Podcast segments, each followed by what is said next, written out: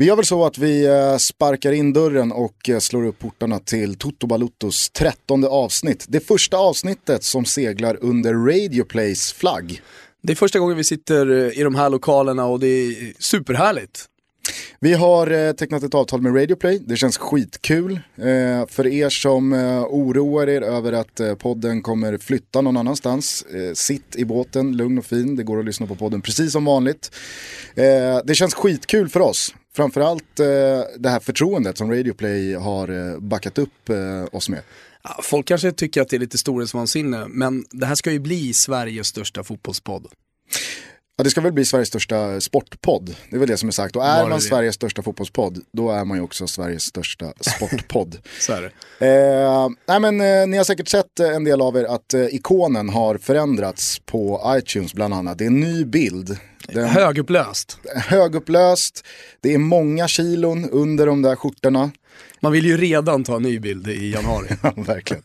Nej, men framförallt så sa väl du och jag till varandra att eh, alltså det, det knäpptes ju en eh, 25-30 bilder i alla fall. Ja. Och om det där var den bästa bilden som skakades fram så vill man ju inte veta vad som sades om de andra. Nej, men för lyssnarna i alla fall, att vi är på Radio Play så kommer det inte betyda någonting. Ni kommer kunna lyssna precis på de eh, podcast-apparna ni har. Men de som vill kan ju självklart ladda ner Radio Plays app och eh, lyssna via den. Där bland annat eh, Sveriges bästa radiokanal finns också, Svensk Pop. Vi älskar ju svensk pop. Alla som följer ditt periskop vet att du älskar svensk pop. Ja. Eh, annars så har jag tänkt att, eh, för det, liksom, stjärnorna stod ju rätt en sån här dag. Eh, med tanke på förra veckan som då var Francesco Tottis 40-årsdag. Eh, idag när vi spelar in, det är måndag 3 oktober, så fyller Zlatan 35. Så då tänkte jag, jag sa det till dig igår, vi kanske ska på, du vet Offsides podcast, de hade ju så här att de inledde varje avsnitt med det avsnittsnummer det var. Vad finns på nummer 92? Ja, eller det är många som har gjort. 103? Ja, det, det är säkert många som har gjort. Fråga Christian Borell. Eh, nej, men jag tänkte att det, det kan ju vara en liten sån här, då och då, kanske jämt, eh, vi får se, att eh, sparka igång avsnittet med att bara nämna några spelare som då fyller år på datumet som vi spelar Alltså, in det på. kan ju bli riktigt dåligt ibland. Då får man gräva djupt. Ja, då får man gräva djupt, men det finns ju alltid någon härlig pärla. Ja. Idag är ju till exempel inte bara Zlatans födelsedag, utan såklart den eviga tvåan på det här datumet. Andreas Isaksson, som är exakt lika gammal som eh, Zlatan. Ja. 3 oktober 1981 föddes han. Stjärnorna stod rätt då. Det är ingen riktigt som minns det. Eh, vi, vi har ju dessutom Claudio Pizarro. Det är ju en fin. Jag tror dessutom att han är, nu får väl Lillpöler, Adam Nilsson rätta mig om jag har fel, men jag tror att Claudio Pizarro är Bundesligas meste målskytt av en icke-tysk genom tiderna. Eh, han har ju öst in mål i både Werder Bremen och i Bayern München.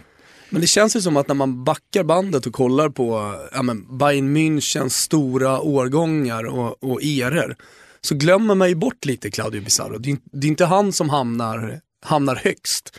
Men å andra sidan så Bayern München under 2000-talet har inte varit jättemycket bomber och du är fullt medveten om att Mario Gomez öste in mål. Men det har ju framförallt handlat om andra spelartyper som har varit de stora stjärnorna.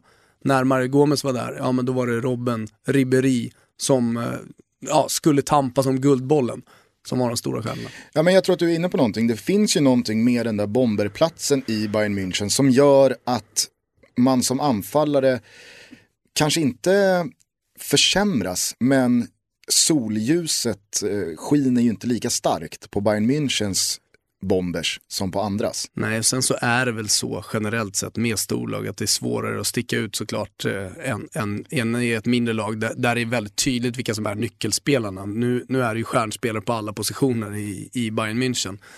Men Lewandowski är väl det bästa man har haft på väldigt, väldigt länge på just den positionen. Ja, alltså det är väl klart att eh, du nämner Mario Gomez, eh, Mario Mandzukic gjorde det inte speciellt dåligt i Bayern München Nej, heller. men Lewandowski är ju en mycket bättre fotbollsspelare. Ja, ja, verkligen. Men som sagt, han är omgärdad av... Robot. han är omgärdad av eh, en jävla massa fina spelare. Var det i Dortmund han fick eh, smeknamnet eh, Robot? Just för att han var så extremt eh, detaljstyrd vad det gäller träningen och noggrann. Ah, jag har inte hört eh, Robot, däremot har jag hört The Body. Han kallades bara The Body. Okej. För att han hade en sån sjuk Stålmannen-kropp. Kan vara så att jag blandar ihop robot och, och Buddy. Eller så är jag rätt. Ja, jag vet i alla fall att Lewandowski har kallats The Body. Det är ju ett skönt smeknamn. Verkligen. Du, kallas ju inte för The Buddy. Nej, kanske på ironiskt vis. Ja, Men man måste ju också gilla att en polack i Tyskland kallas för The Body på engelska.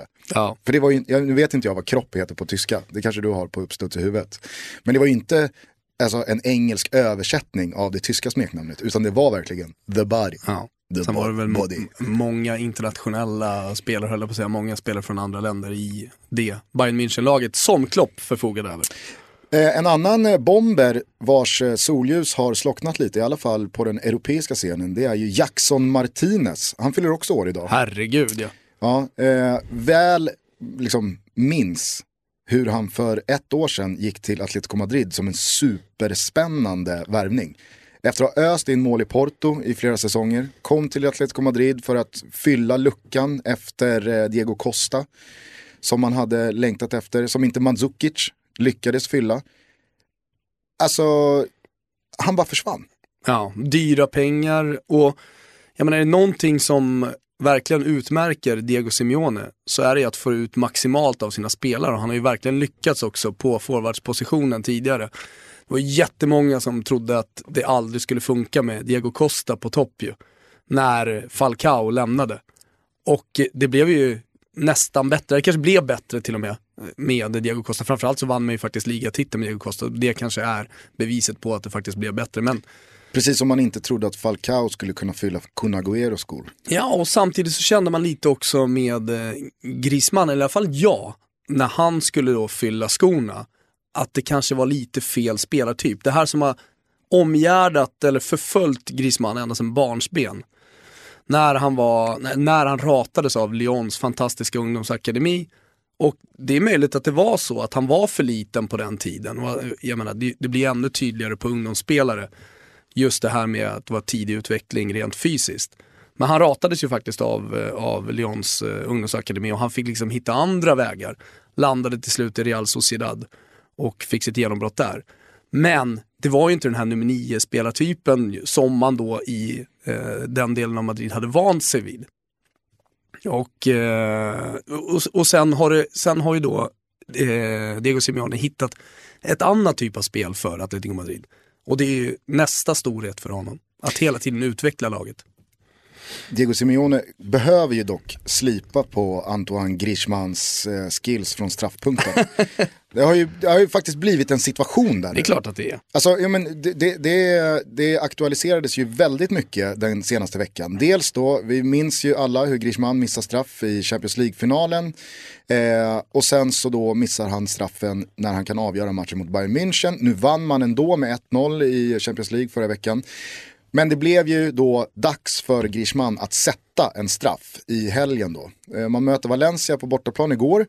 Eh, och Griezmann missar ytterligare en straff. Sen gör han 1-0. Vad händer sen? Jo, Atletico Madrid får ju då en till straff. Men då byter man straffskytt. Fram steppar kapten Gabi. Bränner också. Så att nu sitter ju Simeone, alltså det kan ju tyckas vara en bagatell i sammanhanget där.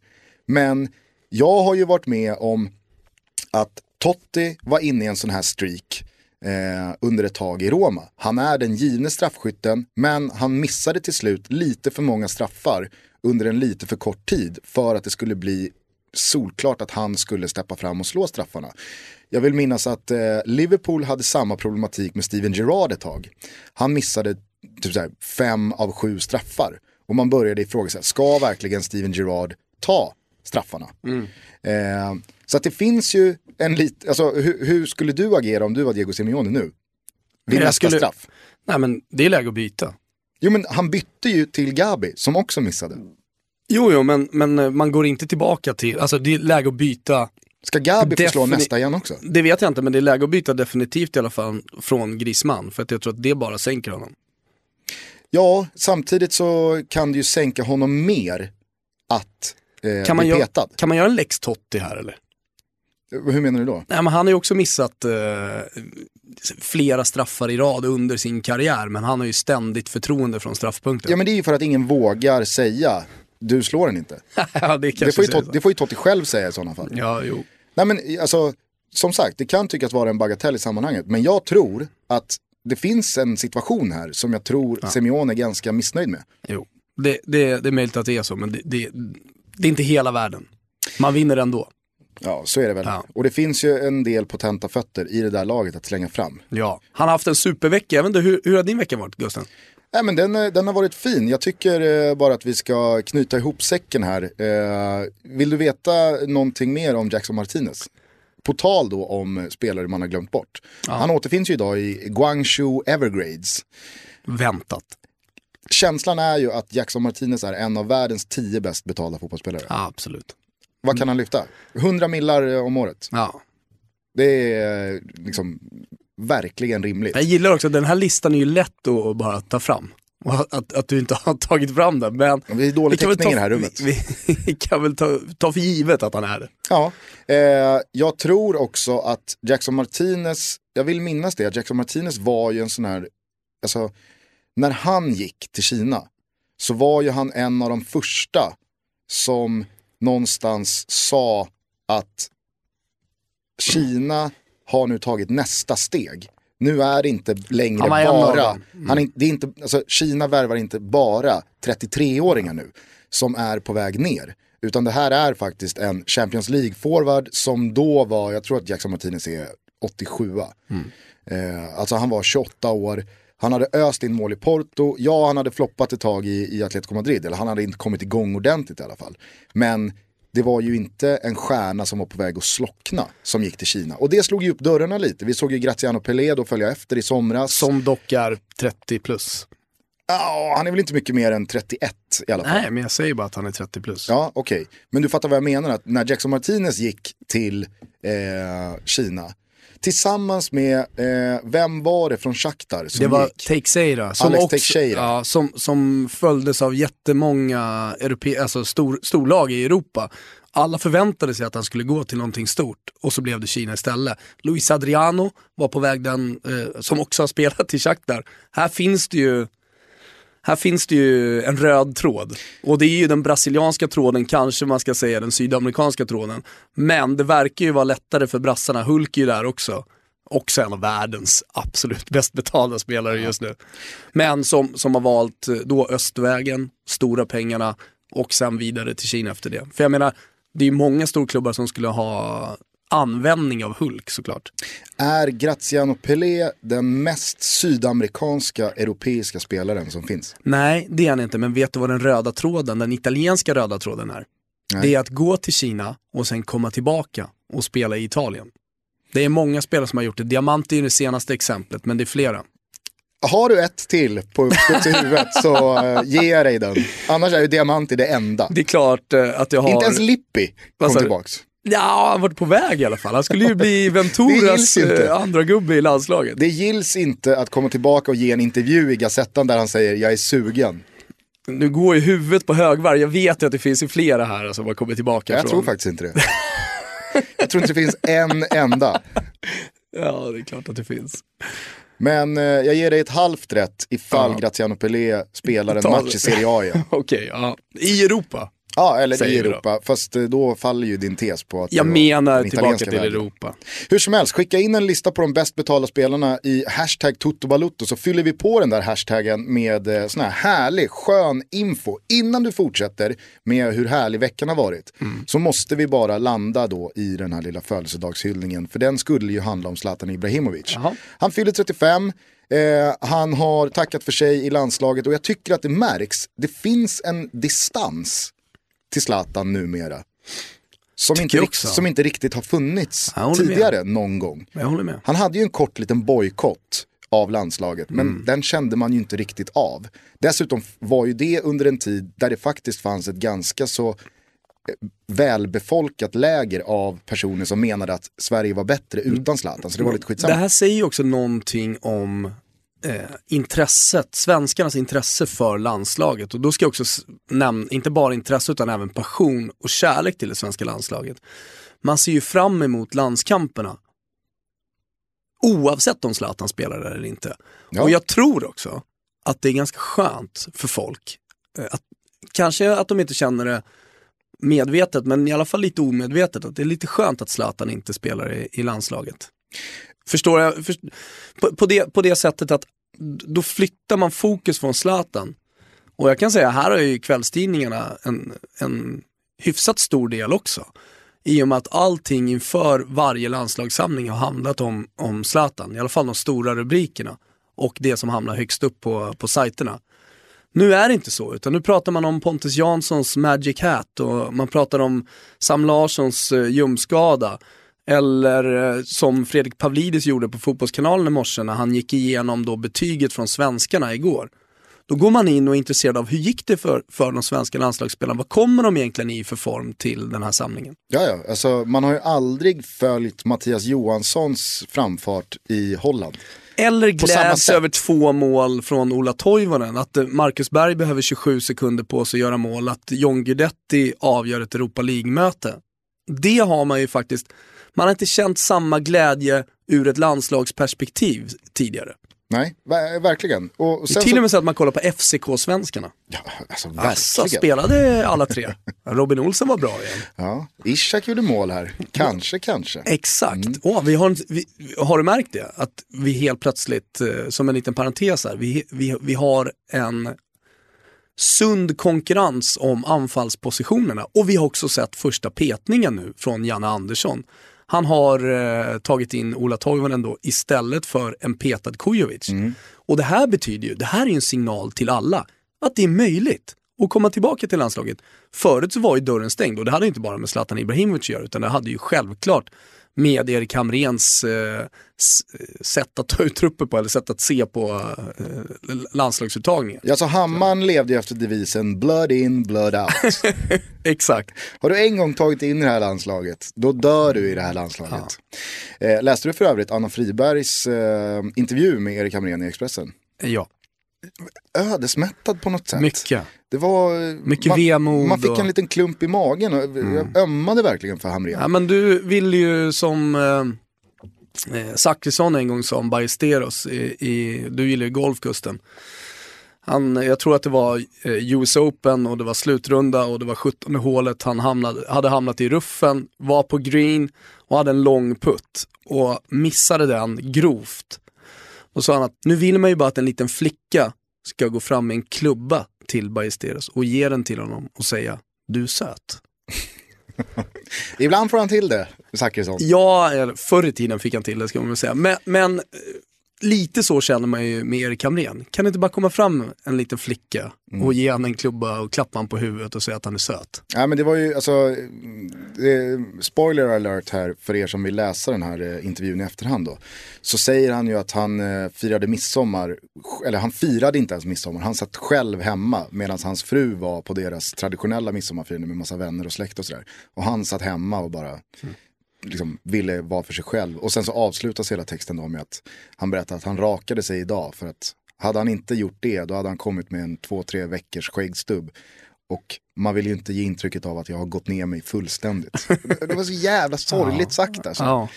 Eh, men också men... väntat på något sätt. Ja, verkligen. Eh, hur som helst så finns det ju en distans till Zlatan, det finns ett nyfunnet eh, intresse för det svenska landslaget, i alla fall för de här andra spelarna som var lite perifera mm. under Zlatans tid i landslaget. Såklart, alla är ju överens om att Zlatan givetvis är landets bästa fotbollsspelare.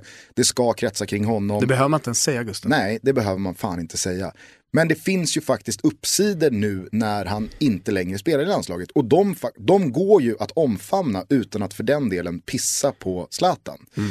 Men den här distansen gör att jag skulle nog säga att jag har aldrig känt mer att Zlatan är en världsspelare som de andra stora, förstår du vad jag menar? Mm. Som jag gör just nu. Nu är han bara en, en världsspelare i ett annat land. Han kommer inte hem och eh, spelar Nej. på Friends Arena Nej. mot Moldavien. Eh, utan han är bara en världsstjärna i en världsliga. Eh, och det finns, det finns något lite tråkigt i det också. Jo, för vet du vad det tråkiga är? Det är att det här är början på slutet. Nu kan man ju hävda då att början på slutet var liksom för ett år sedan. Eller, det, det går ju alltid att hitta sådana där vändpunkter. Men det här är i alla fall det konkreta och det tydliga och lättast att ta in början på slutet för folk. Eh, nu följer man honom i Manchester United och, och i liksom Champions League-matcherna. Inte jättemycket när, när de möter Stoke hemma. Nej men heller inga intervjuer det gjorde man på mycket svenska. Med inga intervjuer på svenska, inte den här eh, direkta hemmakopplingen. Men det är Folk hans... skiter i Zlatan Det är hans födelsedag, han fyller fan 35. Ska du bara dra upp ett eh, härligt gammalt fint slantat minne ur eh, hatten? Oj, ja det finns några stycken. Eh, men jag, jag tror att i alla fall, så där, är, så där är det för mig när det gäller spelare, att när man har sett någon live, då, då får man en helt annan bild av den spelaren eh, jämfört med, med tvn. Och jag kommer ihåg eh, när jag bodde nere i Florens och eh, Fiorentina mötte Juventus, det var ju tidiga Zlatan-år.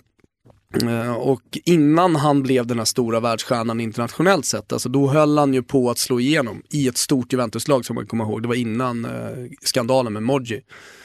Och eh, då, då satt jag långt ner på långsidan, jag hade vänner över från Sverige Eh, längst ner, bänkraden egentligen längst ner.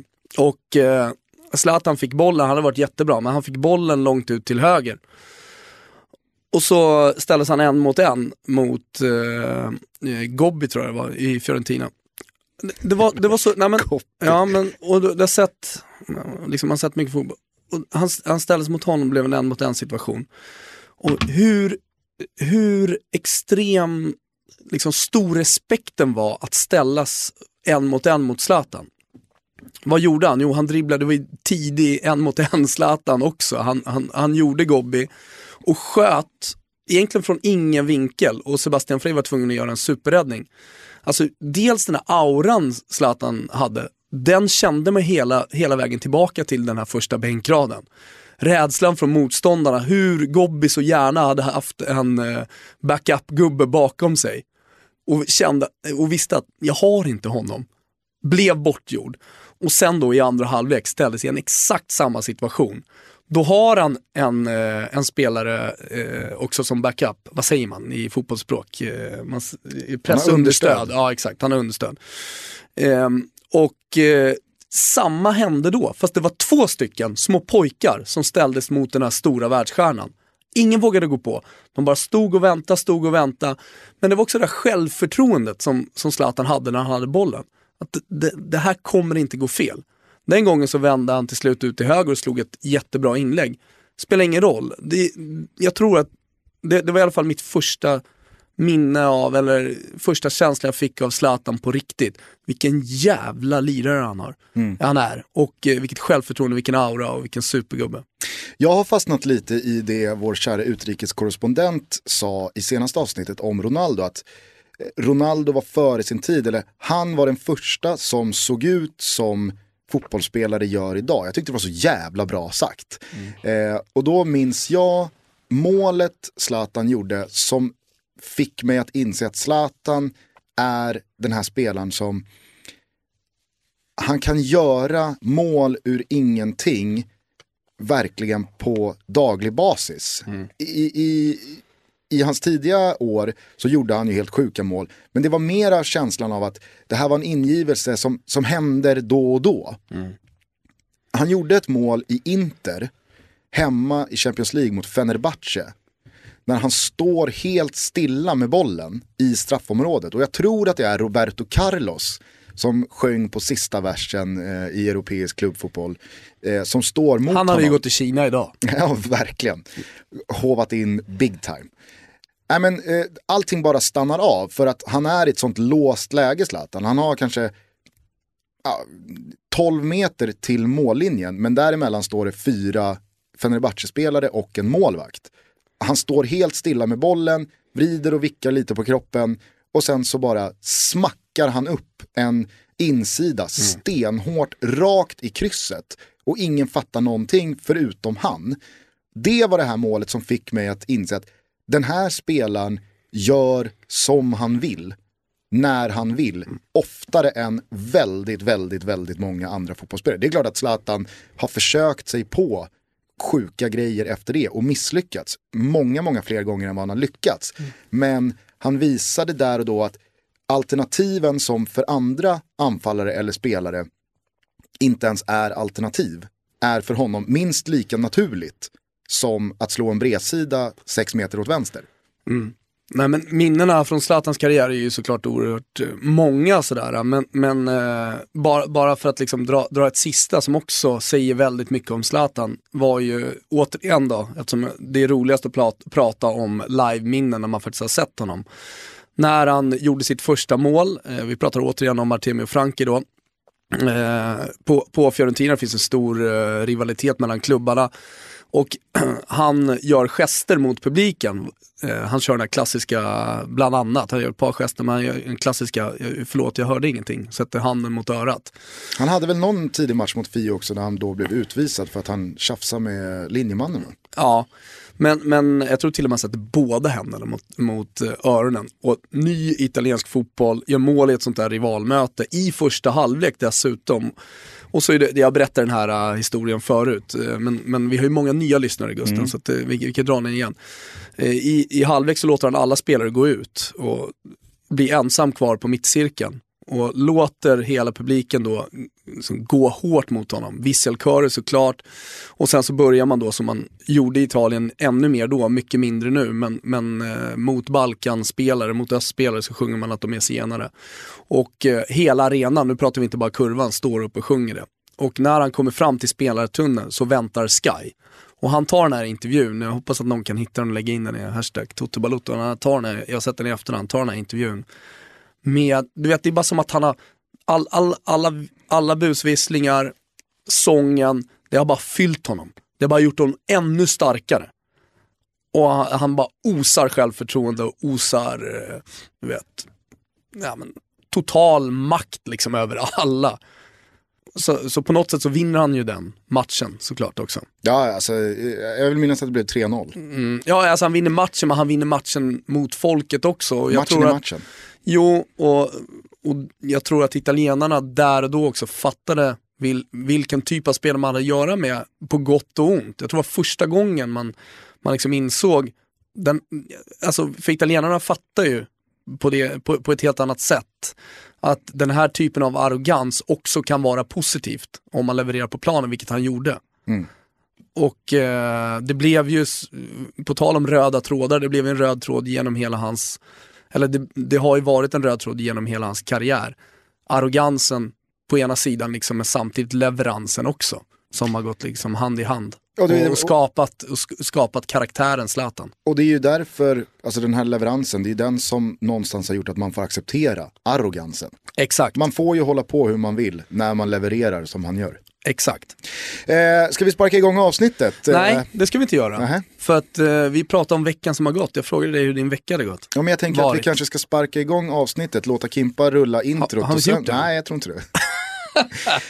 Eh, vi säger grattis eh, på födelsedagen till vår största genom tiderna, Zlatan Ibrahimovic. Och sen så säger vi eh, välkomna till Toto Balutto avsnitt eh, 13.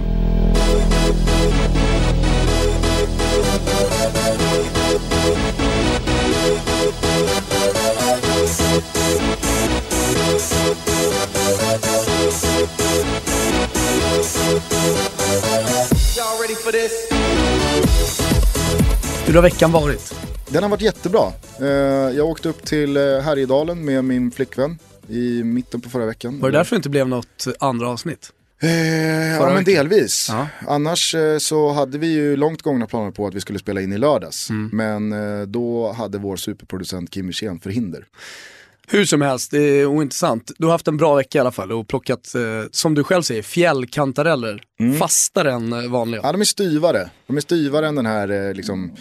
Det är som en blyertspenna. Ja, det finns ju lite sladdriga varianter på Hötorget. Som inte är i, i, i närheten av de styva fjällkantarellerna. Fast det är halva priset. Ja. Nej, men, eh, det, var, det var kanon. Var där uppe, fjällstuga, tände en brasa, basta och sen sjunka ner och faktiskt kolla på en match i taget. Jag hade ju då, eh, var i min morsa och farsas hus där de har löst att man kan koppla in sin mobil eh, och köra den i tvn. Så in, ointressant. Nej detta. men det, det skulle komma till var då att under de här tisdag och onsdag, Champions League-kvällarna, så kopplade jag in min mobil. Så då var den låst till Viaplay. Och visade då matchen. Så jag kunde inte ens hålla på med den, jag kunde inte kolla resultat, jag hade ingen second screen. Utan jag fick bara kolla hela sändningen en match. Det var faktiskt jävligt fint. Det kändes som att man gick tillbaka till eh, lite barndomen och bara kolla en match. Jag förstår Mm. att det var super. Egentligen så hade jag förväntat mig, ett, eller jag hoppats på, ett kort svar. Ja. För det jag ville komma till att du har ju hur som helst inte haft en lika bra vecka som Diego Simeone hade. Och det här knyter ihop då det vi pratade om tidigare. Om, eh, om Diego Simeone, eller familjen Diego Simeone ska jag säga, Simeone-familjen.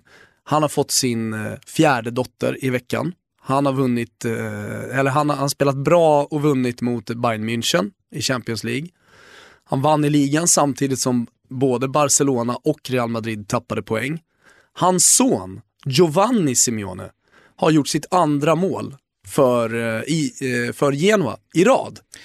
Det var väl Giovanni Simeone som bjöd på den sjukaste frisyren någonsin Ja, i fotbollssammanhang för vilken några år tänker du sedan.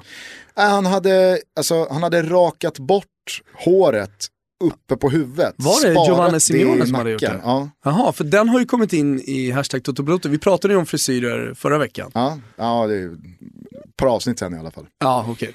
Eh, nej men Jaja. det var han. Okej, ja, men vi, vilken härlig vecka det har varit för familjen Simeone. Ja det är ju eh, absolut eh, någonting att skriva under på. Ja. Skriver under på den kritik jag nämnde eh, på Twitter efter Atletico Madrid hade slagit just Bayern München. Att det fortfarande i månadsskiftet september-oktober 2016 efter en La Liga-titel mot det här Barcelona och det här Real Madrid. Två Champions League-finaler på tre säsonger. Fortfarande pratas om Atletico Madrid i ett sånt här ah, men vilken knall det här är. Vilket, alltså, de, när ska någon våga sätta ner foten och säga att Atletico Madrid är ett av Europas tre bästa lag? Ja, Men om de är ett av Europas tre bästa lag, kanske de är just nu i alla fall. Eh, sen över en, över en hel säsong så får vi väl summera det i Men, maj. ba, men, backa, tre, backa tre år. Mm. Tycker du inte att Atletico Madrid har varit ett av Europas tre bästa lag de här tre senaste åren? De har alltså två Champions League-finaler. Vi måste ju helt stryka Serie A och, eh, för Juventus är inte där va?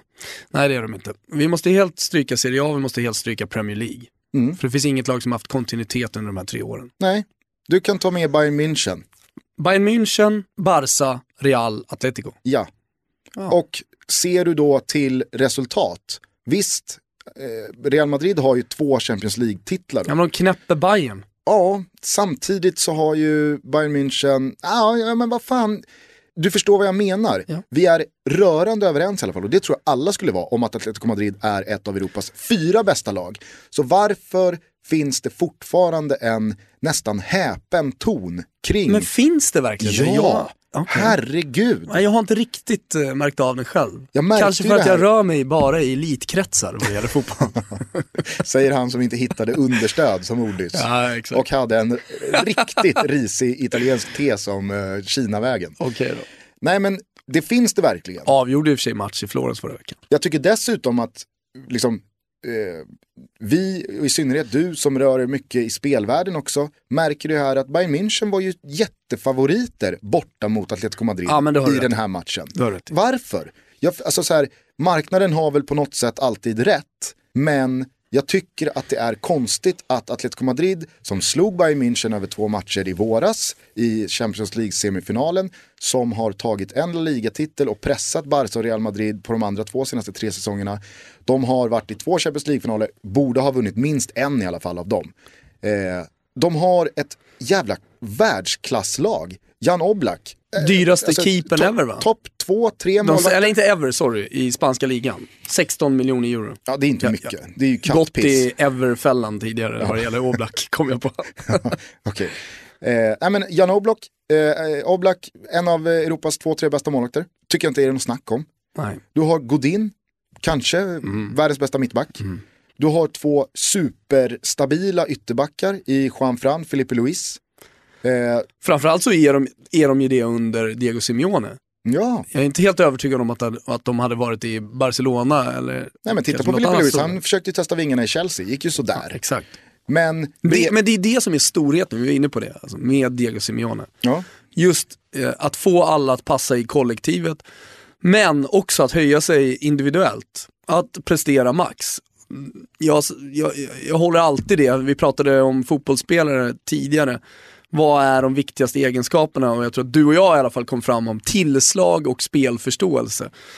Har, har, har, man det så kan man komma hur långt som helst. Du behöver inte ha snabbheten eh, och du, du behöver inte ha liksom en mot en egenskaperna.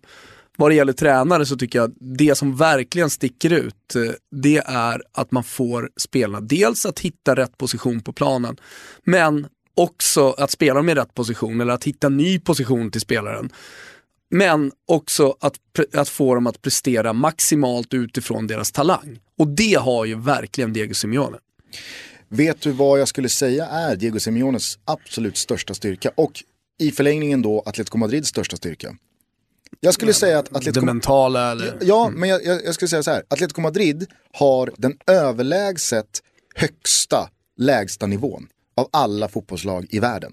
De klappar inte igenom. De kan absolut gå på pumpen och förlora någon match eller kryssa någon match som de borde vinna. Men du ser aldrig Atletico Madrid göra matcher där de klappar igenom. Mm. Och förlorar tydligt och förlorar klart. Mm. Han har en fruktansvärt hög lägstanivå på sitt lag. Och återigen, nu började vi bara i backlinjen här, men alltså, titta på det mittfältet. Gabi, är det, är det världens mest underskattade spelare? Han är ju en av dem, helt klart. Framförallt så är det ju den lagkapten man helst hade velat mm. spela under. Jag har ju liksom svårt att se någon spelare känna, oh, när Chris Smalling har binden i United, fan vad man hade velat lira under Chris Smalling. Eller för den delen då Wayne Rooney. Men Gabi är en sån här spelare, fan, jag vill jag vill underordna mig Gabi. Men sen, sen har ju Diego, Diego Simeone så, så, mycket mer än bara det vi pratar om. Men, men, men hela den här karisman och eh, utstrålningen som, som, han visar då vid sidlinjen, som han på något eh, konstigt sätt då lyckas eh, förmedla till spelarna under varje sekund under matchen, just den här totala koncentrationen i alla moment. Och att ge allt eh, hela vägen in i, i tilläggstid.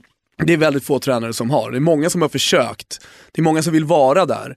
Men ibland så blir det bara lite platt. Paolo Di Canio, där är ett eh, exempel till exempel. Ja men det ska skrikas, det ska viftas. Men, men, du, ja, men han kanske skulle kunna komma dit. Vi ska, vi ska vänta lite med Gattuso, för han gör det väldigt fint i Pisa nu, men skit i han. Eh, känslan man har med Diego Simeone, det är att han sitter igår kväll och kollar på Celta Barca och tokjublar när Celta Vigo gör mål. Alltså han, han, han ger så mycket av sig själv. Man undrar, vi pratar om brintid på spelare. Det måste ju finnas en, en energibrintid på, på, på tränare också. Och när ska den energin ta slut för Diego Simeone? Därför kommer det bli så jädra spännande att se honom i, ett anna, i en annan klubb än Atletico Madrid. Om han nu någon gång kommer lämna Atletico Madrid. Han för, har väl ändå sagt det? Ja, fast och sen så förlänger han sitt kontrakt ja. och förlänger sitt kontrakt och förlänger sitt kontrakt. Det är det där jag menar att Alltså, när ska folk börja liksom säga, ah, ja men vi får väl se hur Grishman levererar när han går till ett riktigt världslag. Mm. Han spelar ju ett riktigt jävla världslag. Ja, han, är, man... han är ett av världens bästa lags bästa spelare. Och det finns ingen tränare, som jag i alla fall kan komma på, som har betytt så mycket för en klubb som Diego Simeone har gjort. Med tanke på, det är kanske inte alla brett som lyssnar på den här podden som har koll på det. Eliten har ju såklart det. Men... Ditt, ditt gäng. Eller hur? Men alltså, där Atletico Madrid var med enorma skulder när Diego Simeone tog över. Jag kommer ihåg att jag satt i ett Eurotalk med, Eurotalk med Sveriges största Atletico Madrid-supporter, Zoric. Soran Zoric. Exakt. Eh, som liksom bara målade upp en domedagsstämpel över hela klubben och ja, men det blir väl någon form av neddegradering, skulderna är alldeles för stora, det går inte att komma ut det här. Då kommer Diego Simeone in i klubben med visserligen liksom ett, ett bättre spelarmaterial än på pappret än vad man trodde där och då. Men tar dem till toppen och tar dem tillbaka och bara genom honom så, så, så tar man sig liksom till, till världstoppen och in, ja, nu, men har varit då, de senaste åren en, en kandidat hela tiden att vinna eh, Champions League. Jag kan i alla fall inte minnas, utan understöd, ekonomiskt understöd, utan ett sportcheferi som är världsklass, en, en klubb som har gjort den resan. Och alltså, sällan eller aldrig då har en klubb haft eh, en tränare att tacka för så mycket som, som Atletico Madrid med Diego Simeone. Jag tycker en annan sak man verkligen ska nämna i det här sammanhanget i, i hyllningskören åt Diego Satan Simeone. vad vi hyllar. Ja men eh, det tycker jag också är befogat eh, i ett sånt här avsnitt i en sån här eh, tid på säsongen. Det är ju att om du tittar på de riktigt stora tränarna, man kan till och med väva in de som har en aura om sig som kräver respekt och Zlatan pratar om Mourinho, att man kan dö för honom och jag menar Juventus-spelarnas ord om Conte var ju att liksom, han var soldaten som gick längst fram och sådär.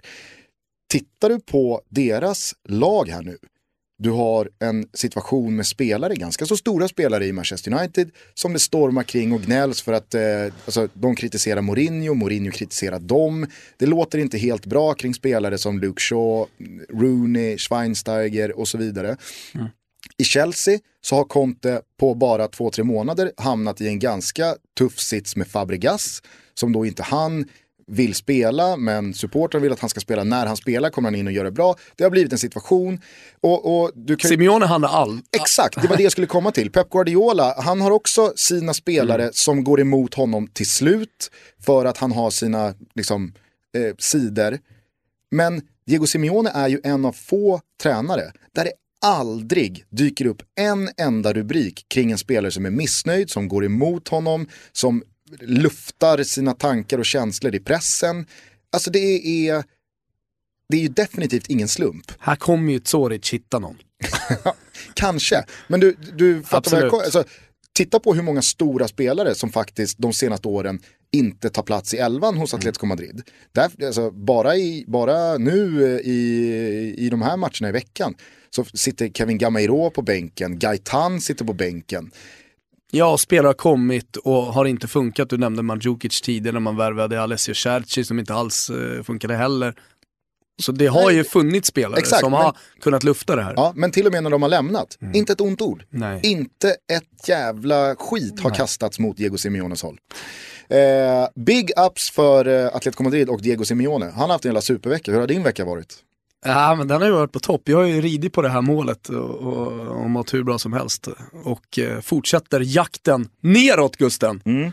Eh, jag har inte gjort någon eh, mätning än eh, vad det gäller vikt och magomfång, men det kommer väl vad det lider.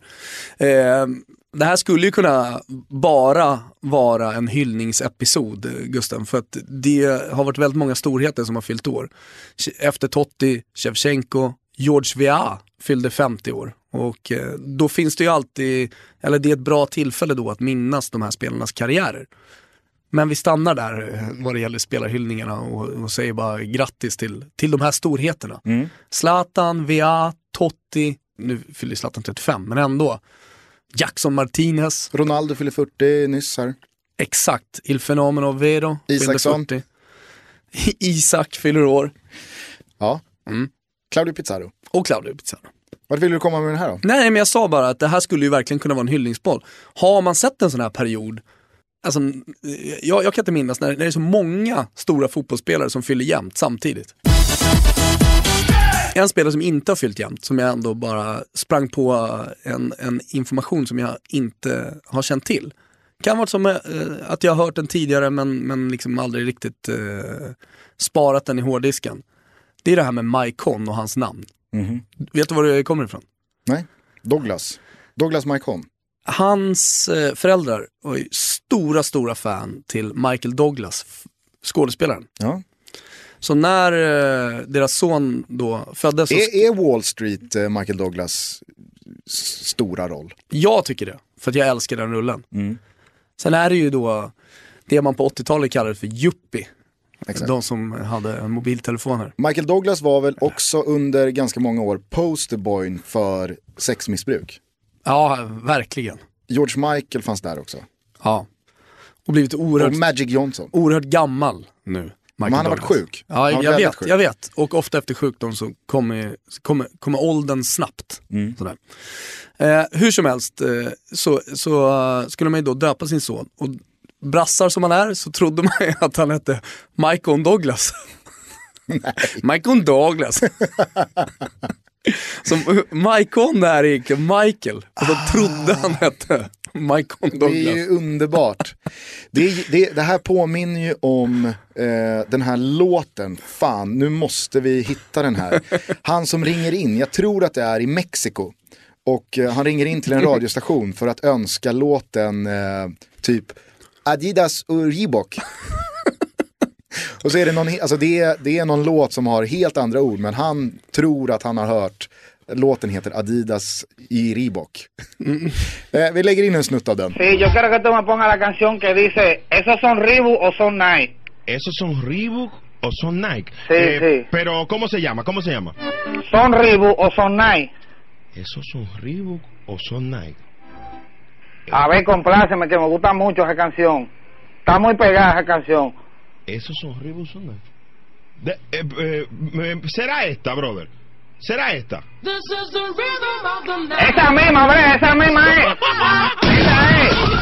Nu har vi ju varit väldigt positiva här ett tag. Eh, jag, jag måste bara kliva ut med lite klinga här och såga. Okej, Jag börjar- en, en slevgulasch helt enkelt. Ja, men kanske.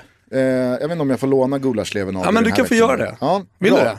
Ja, det gör jag. Okej. Ja, jag vill ändå då eh, kasta den, eller kanske skjuta in lite gulasch i något sprinklersystem här. Okej. Det måste droppa gulasch över den här rekordhetsen som finns. Rekord som inte är rekord. Jag vet att jag skrev en text om det här på våran gamla blogg, Toto Balutto, som fortfarande finns att läsa om man googlar Hittar Toto. Balutto. Eh, nej men, rekord i all ära, jag gillar rekord också. Men det är ju rekord som är någonting. Alltså mål på en ligasäsong, Ah, ja. skytte, som en skyttekung gör. Ja. Eller antal matcher obesegrade i eh, en och samma Ja, ligasäsong. antal landskamper totalt och så vidare. Ni fattar grejen. Det finns rekord och så finns det de här låtsasrekorden Aha. som har börjat äta sig in i fotbollsvärlden som jag stör mig så oerhört mycket på. Som då till exempel igår efter att Tottenham slog Manchester City med en väldigt imponerande insats. Det ska sägas. Eh, Spurs enda obesegrade laget nu då efter att ha eh, pajat Peps eh, nolla i kolumnen. Bra så. Nej, Satt mig med kryss 2 på Europatipset. Alltså jag kan tycka att det är bra så. Låt det vara imponerande så. För att det har inte slagit något rekord. Ja, men då är det ju klart att någon ska leta fram då att Spurs numera har, innehar rekordet för antal matcher och minuter utan insläppta spelmål. Ja, men de har ju släppt tre kassar. Jag skiter väl i om de kommer från öppet spel eller från hörna eller från straff eller frispark eller om det är självmål eller vad fan det är. De har ju släppt in tre mål. Sluta kalla det att de har hållit nollan i öppet spel. Va- va- Vad är Ja, det, är för ju jävla ett rekord? Riktigt skitrekord. Exakt. På samma... Eh, Det, är ju, vet du, vad, det har ju kommit Men med... det är ju inget rekord. Ja men det har ju kommit med eh, alla de här statistikverktygen som tidigare klubbarna använt, som senare utvecklats, har skapat Infostrada, skapat WhoScored och, och Opta och så vidare. Att de, de vill liksom bredda sig ytterligare, så det är de som skapar den här rekordhetsen. Absolut, men jag blir så fruktansvärt provocerad av alla som då ska haka på och göra någon grej av att Spurs Wow! då har hållit nollan i öppet spel. Fast de har inte hållit nollan om man också räknar in de andra delarna av fotbollsmatcher som är fasta situationer. Så att det, eh, så här, och, och, och jag fattar ju att det är ett superbetyg, de här siffrorna, till Pochettinos försvarsspel. Som, ju, som har gjort att de inte släpper in mål från öppet spel. Men låt det vara bra så. Sluta prata om något jävla rekord. För det är ett påhittat låtsasrekord som inte finns. Fotbollsmatcher och försvarsspel, det handlar om att hålla nollan. Har du inte hållit nollan, då har du inte hållit nollan. Jag skiter i om det är, alltså, så, vi släppte ju bara in en straff. Eller vi släppte in en hörna. Eller det, det skulle varit offside. Ja men nu blev det mål. Rikt- Sluta säga att ni har hållit nollan. Den riktiga gulaschen hade ju egentligen eh, jag tänkt ge till Ingmar Stenmark, men då kanske vi steker den helt. Ja, Ingemar Stenmark har ingenting med Toto Balotto att göra. Ja, skulle med, jo, faktiskt alltså, för gulaschen kan gå till eh, alla möjliga. Okej, du får suga lite på Ja, Ingemar. verkligen. För att det finns en fortsättning här. I fredags så åker ju Bayern ner till Olympia. Alltså det, det, det sorgliga Olympia. Olympia gör ju sig redo för superettan. Såg du ljusstyrkan som kablades ut från eh, strålkastarna? Alltså det såg ju ut som att några spelade korpen en tisdagkväll. Det var ju någon i Toto Balotto, hashtaggen, som ville att vi skulle gräva Alltså Toto Balotto gräver ju inte så mycket, men, men att du och jag då skulle gräva i det här med Helsingborgs publiksiffror. Mm. Alltså i alla fall de officiella som eh, klubben eh, förmedlar. Det finns ju några lag eh, som omgärdas av rykten kring eh, fixade publiksiffror. Det är ju ett, såklart, landslaget. Alltså, där hittar man många tomma stolar som räknas in i eh, biljetter. Guys brukar ju ofta få sig en liten känga när det handlar om sånt här. Och så nu Helsingborg då. Jag, jag vet inte, de, de alltså, och, och det ska jag säga så här. Jag kan ju inte bekräfta eller dementera huruvida det var drygt 7000 på Olympia eller inte i fredags. Det får folk som var på plats göra. Men det verkar ju finnas en unison inställning från de som var där att 7000 är en skarv. En skarv. Inräknat med årskort eh, så kan jag ändå tycka, eh, men, men då ska man ju förmedla det på det sättet. Eh, Det gör man faktiskt i många länder. Mm. Eller egentligen i alla stora ligor säger man, så här många sålda årskort har vi och så här många sålda biljetter hade vi. Sen skiter man mer eller mindre i hur många som var, faktiskt var på arenan. Ja, men det tycker ju svenskar i hög utsträckning att man inte ska göra. Ja, okej. Utan det är, ju, det är ju hur många som var på arenan. Det är ju det som är viktigt. Eh, det var ju ganska... Cashen är ju för Helsingborg ganska viktiga. Jo, jo, men de kom ju in ändå. Varför kan man inte bara säga som det var då? Okej, det var 4 500 men vi fick cash för 7 000 så att vi vann ändå. Ja. Eh, det var ju pinsamt, eh, pinsamt hög publiksiffra, Sverige-Holland här i VM-kvalpremiären. Det kablades väl ut att det var 37 000, kanske var 20, 25. Ja, 12 000 eh, sponsorbiljetter där som inte dök upp. Hur som helst, Bayern var där och eh, petade in ett sent vinstmål, vann med 1-0. Och då har ju Bayern numera rekordet på hållna nollor i längst tid på bortaplan. Ah, härligt. Eh, Så, så här, vad fan är det? det, det återigen, jättekredd till Bayern och Nanne och deras försvarsspel. Att de spelar så liksom, bra försvarsspel och är svårslagna på bortaplan. Men de Som har, rekord. men de har ju släppt in mål på hemmaplan mellan de här matcherna. Så vad, vad är det för krystat jävla rekord? Vad är det för fjäder att sätta i hatten? Ah, du vet, nu har man ju hållit nollan längst genom tiderna på bortaplan. Släppt några kassar på hemmaplan däremellan, men vad fan. Det är ett rekord. Ja, nej. Minns förra säsongen i Champions League. Bra slev, Gusten. Minns förra säsongen då i Champions League. Du höll den med den äran. När Cristiano Ronaldo då, då gjorde, jag tror att det var Sportbladet som smackade upp. Det här rekordet slog nu Cristiano Ronaldo. Ja, då hade han ju gjort, gjort mål i 11 raka bortamatcher i Champions League. Alltså, det är ju ett låtsasrekord. Det är inget rekord att stoltsera med. Ska den samlade kraften som är Toto Balotto med eh, våra lyssnare vara uppmärksamma på det här nu framöver? Det tycker jag verkligen. Så länge, vi, så länge i alla fall vi, vi minns och så använder vi hashtag Toto Balotto. Så när alla de här eh, rekorden, låtsasrekorden kallar de för, Ja, ja, ruttna fjädrar i hattar och, och ja. När de då eh, kablas ut så skjuter vi ner dem tillsammans. och vet du varför det är så viktigt att vi gör det? Nej. Det är ju för att de här håller ju på att sabba de riktiga rekorden. Bra. Inflationen som går i den här rekordhetsen håller ju på att påverka de faktiskt riktiga rekorden som betyder någonting. De blir ju devalverade för varje låtsasrekord som hittas Bra. på. Nu kör vi gubbar Ja. och tjejer.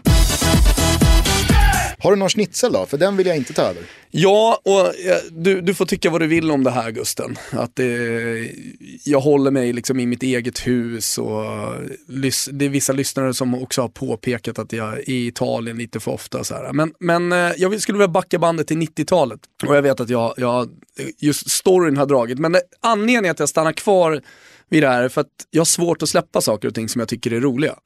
Förra veckan så pratade vi om eh, Antonio Cassano. Är det därför du håller fast vid din frisyr? Alltså, jag ditt hår. gör vad jag kan med det lilla hår som finns kvar. Ja men det är det jag menar, fast? alltså, du håller fast vid det du tycker var roligt. Alltså, hade jag kunnat så hade jag ju haft en större frisyr. Det kan jag ju lova dig. Ja. Jag såg för övrigt ett gammalt eh, program som du och jag gjorde tillsammans inför VM 14. Och eh, det är ju bara två år sedan. Mm. Jag satt där med halvlångt hår, smal, eller smal, vältränad. Fitt. Ja, eh, rapp i steget. Eh, och där satt också Gusten Dahlin, lite yngre. Lite lättare. lite lättare. Men eh, jag, jag tyckte att det här var kul. Eh, det blev, eh, det, viss, vissa saker, det blir liksom en liten svans i hashtaggen. eh, efter saker som vi pratade om. Det blev inte riktigt det av det här. Men eh, jag skulle vilja att det blev det och därför skulle jag vilja hylla då en annan spelare som under sin presentation hade en väldigt, väldigt märklig klädsel på sig. Och Casano var ju rolig och bilden kom ju också in. Den här bilden tror jag folk kommer få svårt att hitta så att jag kommer själv ta på mig ansvaret att lägga in den. Men det är ju när Stefan Effenberg presenteras för Fiorentina tidigt 90-tal. Det är bland den sjukaste tröjan som jag någonsin sett. Det var ju också i liksom en splittrad modeperiod. Mellan 80 och 90-talet. 90-talet som är ju den, är den sämsta perioden rent modemässigt. Och då, det har vi ju pratat om vad det gäller fotboll med XXL-tröjorna. Eh, generellt sett en, en usel period, men även vad det gäller liksom modet generellt sett. Jag menar 80-talet hade sin charm, 70-talet hade sin och 60, och vi, vi kan gå hur långt som helst. Eh, Men, men 90-talet, vad hade 90-talet egentligen? Det var ju Det en jävla- det var en schizofren mode, ett schizofrent modedecennium, eller hur? Ja, ja, verkligen. Och det här tycker jag Stefan Effenberg symboliserar på ett väldigt bra sätt då när han presenteras för Fiorentina som en stor stjärnvärvning. Sen blev han ju usel och Fiorentina åkte ner i Serie B. Skitsamma. Han har alltså på sig en stickad tröja som ser ut som hans mormor har gjort. Men motivet, kommer ni ihåg jag berättade om den här AIK-tröjan som jag köpte på en bortaresa till Borås 99? Det var bara liksom, hela tröjan var AIKs klubbemblem. Det Stefan Effenberg har på sig, det är alltså en, den amerikanska flaggan, stickad. Självklart i storlek XXL. Stars and stripes. Det är, det är helt ofattbart, dels val att ens ha på sig den här tröjan, men att sätta på sig den under presentationen. Som Är tysk. Ett, som tysk. Är ett statement? Tyckte han att den var snygg? Omöjligt att tyckt. Var den skön att komma till Florens under sommaren? Det är varmt också när han har på sig den här tröjan. Ja, det, det är helt ofattbart. Men Kan han ha gjort någon koppling, liksom axelmakterna, jag vill visa att jag går utanför, jag stod på, jag stod på jänkarnas sida. stod på jänkarnas sida. Vet inte, vi kanske borde fråga Stefan. Har vi Effenbergs nummer? Det har vi fan inte. Alltså. Vi borde ta tag i det. Och Hur det- motiverar du att det här är värt en schnitzel? Jo, för att det är någonting som jag vill liksom jag, jag, vill, jag vill komma in på en annan diskussion. Och det är de här spelarna som, som då går mot strömmen lite. Låt oss säga att han, Stefan Effenberg, går mot någon jävla ström, vad det nu är.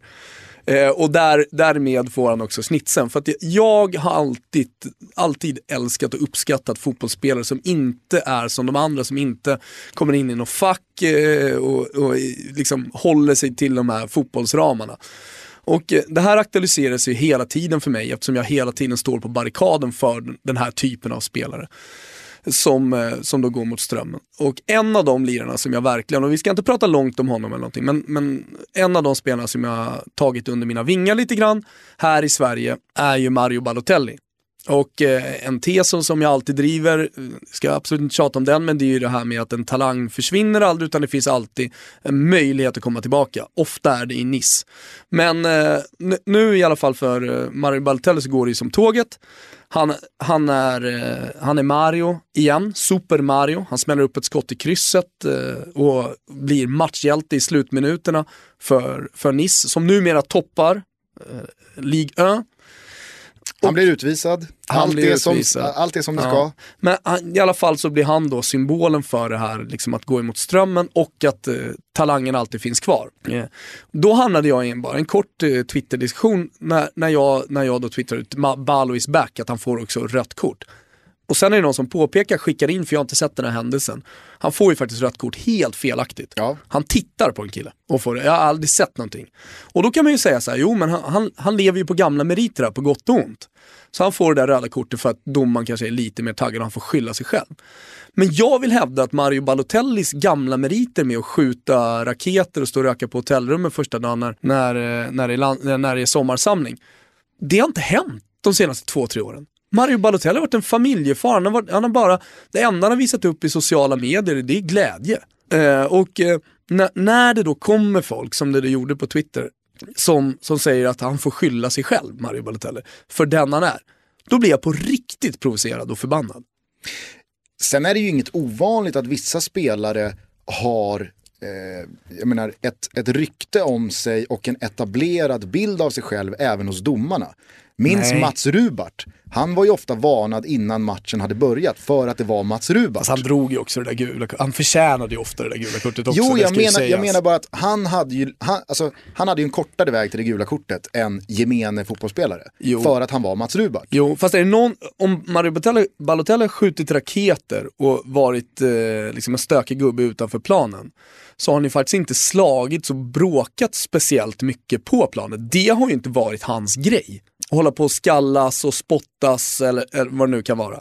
Nej, men han, han, Det- han det- har hamnat det- i mycket kurr, mycket tjafs. Nej, inte jättemycket, utan det, det som har varit grejen med Mario Balotelli, det är att han är slö på planen. Det är det som liksom har symboliserat, tycker jag, det negativa med, med, med hans talang eller hans sätt att spela fotboll på. Ja, ja alltså, absolut. Så att eh, Stefan Effenbergs eh, Stars and Stripes-tröja i kombination med att Mario Balotelli också går mot strömmen landar i någon slags märklig Axel Max-schnitzel. Ja, ja.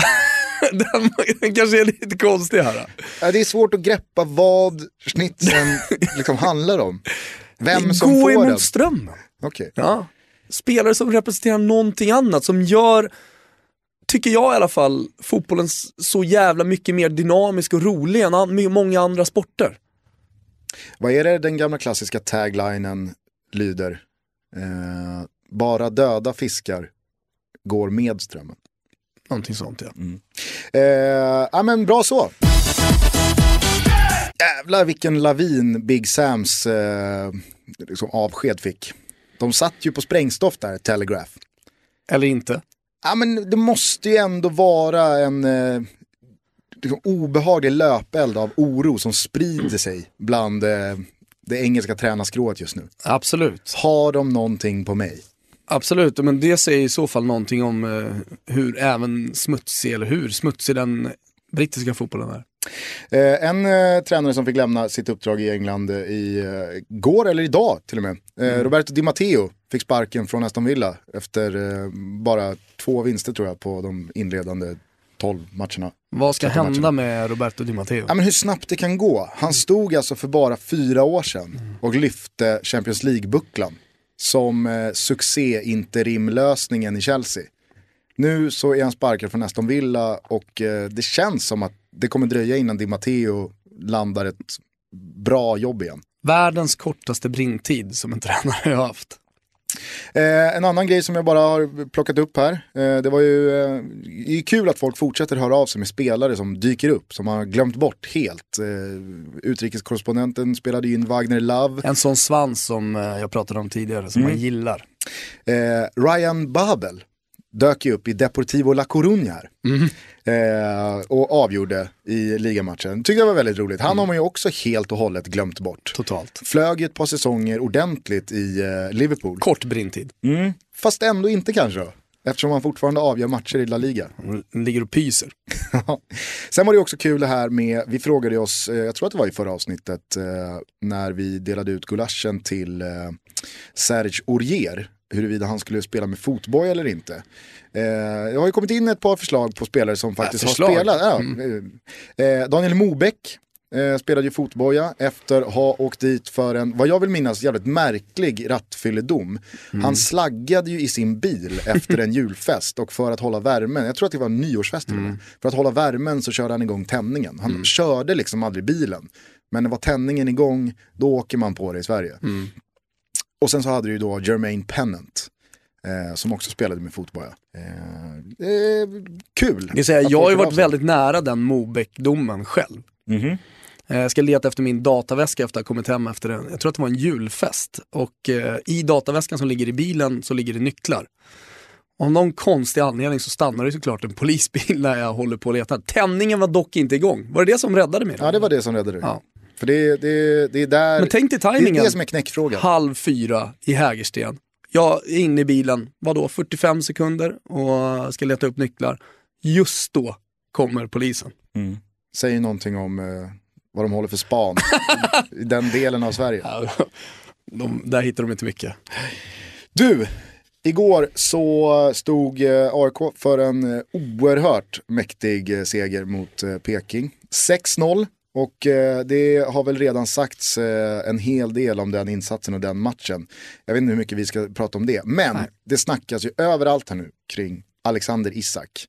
Och eh, den försäljningen som står runt hörnet för AIK. Jag trodde att du skulle gå in på riktigt, riktigt minerad mark här nu. Och prata om det som hände efter matchen. Men det kan vi ta sen om du vill. Om du vågar gå in på den minerade marken som är svensk ultraskulptur. Ja, ja, ja, ja, okej. Eh, nej men vad fan, eh, då, då kan du börja där om du vill. Ja, men det, Vad vi har förstått så hade, super disclaimer på vad vi har förstått. ja, eh, Peking Ultras hade eh, hängt ut en Sol Invictus-flagga från sin sektion. Han har lagt ut den på sociala medier också. Ja, en flagga som enligt AIK-håll ska ha glömts kvar på Östgötaporten i våras. Just det. Eh, så de har liksom inte snott den eller stulit den, tagit den i kombatkrig. Det är ju för de som inte känner till det en eh, trofé då att, eh, i, i ultraskulpturen att eh, sno banderoller och flaggor från eh, rivaliserande grupperingar. Vi pratade om det i förra avsnittet eh, när jag berättade då att eh, Panathinaikos supporterskara Gate 13 hade strippat eh, motståndarna på Allt. Eller motståndarsupportrarna på allt och sen lagt allt i en hög och kört en bonfire Mm. i halvtid. Det är ju, alltså det, det är ju, säga vad man vill om det, men det är ju ett knockout-slag i liksom, supportermatchen. När man pratar, och det ska vi inte göra nu, men någon gång kanske vi har lite specialavsnitt om det, men när vi pratar om ultrakulturen så pratar vi om en subkultur. Och det ska pratas, eh, när, när, det tycker jag man alltid ska göra. När man pratar om en subkultur så ska man göra det på rätt sätt också. Och det ska jämföras eh, med liknande subkulturer. Men skit i det nu, fortsätt. Ja, men viktigt att säga i sammanhanget är att när man pratar subkulturer då måste man ju någonstans gå in i den diskussionen med att köpa att den här subkulturen funkar så här. Exakt. Inte sitta på den moraliska hästen och ha inställningen att det här är ju fel för att man själv inte tillhör den subkulturen. Nej. Då är det ju meningslöst att prata om det. Eh, hur som helst så hade AIK eh, några då supportrar, gissningsvis eh, Sol Invictus, som är en del av eh, AIK, eh, hela AIK-skaran, eh, bränt efter Peking Ultras buss ner till Norrköping efter matchen. Klivit in, Väntat på att den ska stanna. väntat på att den ska stanna, när den väl gör det, klivit in och eh, tagit tillbaks eh, det som var deras. Och inte kanske, bara. li- kanske lite till också. Ja. Pratas om trummor och lite blandat. Eh, svårt att landa i någonting här. Nej, men det jag tänkte på att du skulle landa i, eh, på tal om då, och, det, det är ju bara en berättelse, men eh, det är ju det som hände på Friends. Och det är det jag menar, det här, nu går vi in på riktigt minerad mark. Men vi, vi gillar ju att steppa runt de här minerna också, eller hur Gusten? Ska vi steppa runt dem eller ska vi steppa på dem? Nej, får, du får välja, jag kommer inte säga speciellt mycket eh, av olika anledningar, men, eller av olika anledningar, ju för att jag är AIK.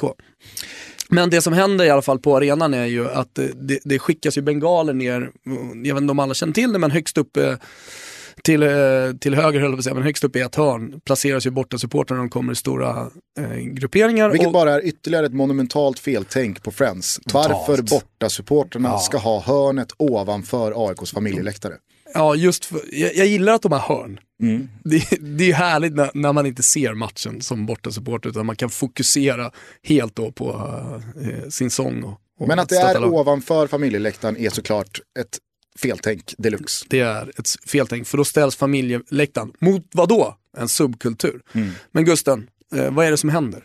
Nej men det kastas ju ner bengaler då Mm. på familjeläktaren. Eh, jag tror att Daniel Sundgrens syster, Mm hon eh, klev ut på Facebook och skrev om det här. Eh, så att eh, det, det, det råder inga tvivel om att det hände, men man kan ju då diskutera och det här säger jag eh, snarare som objektiv. Jag vet att det, det blir problematiskt för dig att uttala dig i frågan i och med att du håller Egentligen på... borde det inte vara det för jag sitter här och är 100% Nej, men, objektiv. men, men det, respekt för våra lyssnare så. Exakt, jag kan, jag kan köpa att folk tänker jäv här. Men jag som objektiv, jag är definitivt eh, på det klara med att vissa klubbar behandlas annorlunda än andra.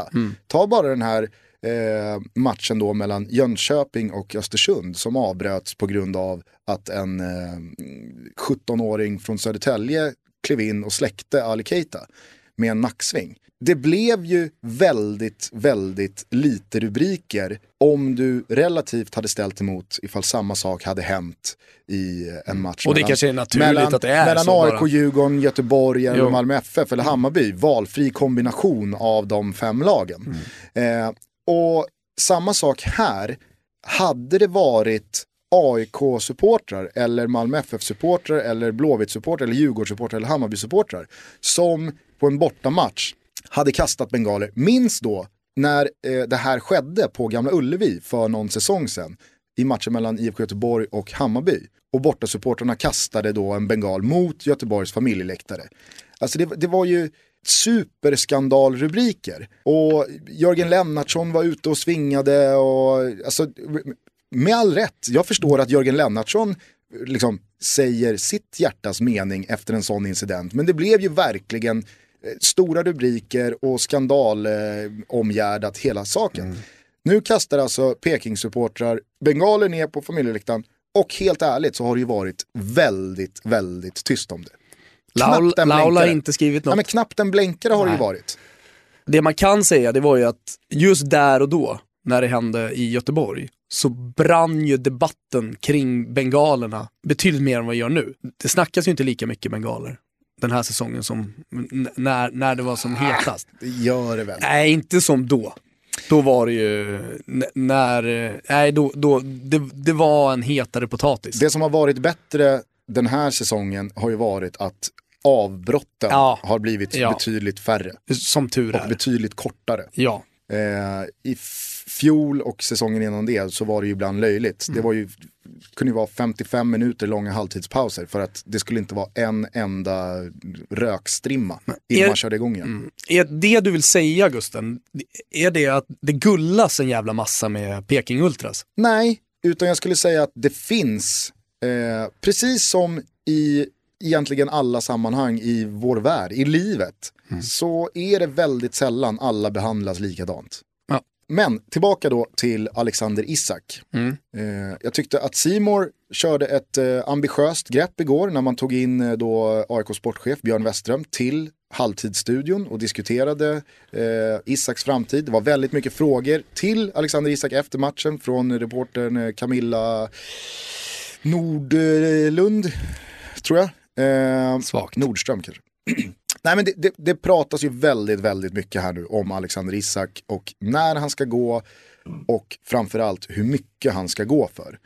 Eh, nämnde Robert Laul, han satte ju ner foten både i text och eh, på Twitter igår och sa att eh, Alexander Isak kommer absolut, eller förmodligen bli den dyraste från allsvenskan sen Zlatan, men han kommer definitivt inte bli dyrare än Zlatan.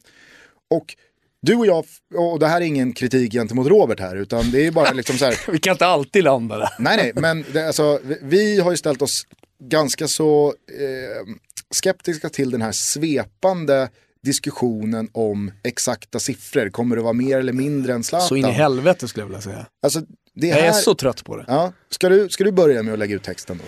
Jag börjar med att lägga ut texten. Eh, först och främst så är det ju oerhört eh, enerverande att se dels varenda journalist eh, i Sverige som eh, har någon form av krönikehatt tala om priset på Alexander Isak. För det, det, det är så enkelt att ett pris på en fotbollsspelare be, eh, bestäms av självklart grundtalang och vad man har presterat tidigare men också av marknaden och intresset som kommer. Och jättemycket av tajmingen från klubben. Till exempel hade AIK sålt i somras, då hade det varit ett pris. Säljer de nästa sommar, ja, då beror det på vad Alexander Isak gör kommande åtta månader på fotbollsplanen. Säljer man till exempel, om, om, om vi låter allsvenskan gå ut här nu, han gör ingenting mer än att fortsätta superprestera i allsvenskan. Ingenting mer förutom det. Ja, vilket, Det är en såklart- detalj. Ja, det, det, är en liten, det är en liten detalj. Nej men han, han fortsätter att vara den Alex, Alexander Isak han är nu. Ja men då, då, då är det på något sätt så här, ja men det här har han presterat och sen så sätts priset utifrån marknaden. Men tajmingen är då eh, januari. Säljer man i sommar, då kommer då kommer priset sättas utifrån hans prestationer också under våren. Självklart hans grundtalang, det han redan har visat i Allsvenskan. Men gör han en bra vår kontra en dålig vår så kommer det att påverka priset jättemycket. Och det, det, är det, som, det är det som gör det så extremt svårt för dig och mig eller för någon annan att sitta och spekulera kring, kring hur mycket Alexander Isak är värd. Det, det, det, det, jag skulle säga att det är helt omöjligt att säga hur mycket Alexander Isak är värd. Vi får för vi se. vet inte. Vi har ingen aning om priserna som har diskuterats med AIK med de buden som kom i somras. Vi vet att Roma var intresserade och så vidare. Ganska många klubbar som var intresserade av honom.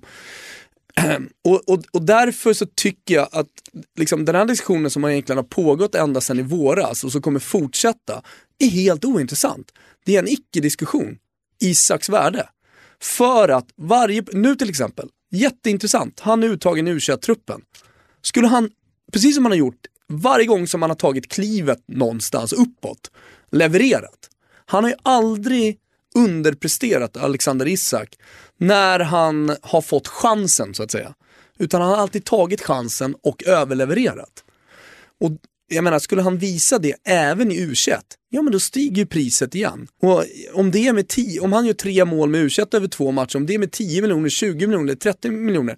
Det beror helt på klubbarna som är, som är intresserade av de priserna som, som liksom kommer upp.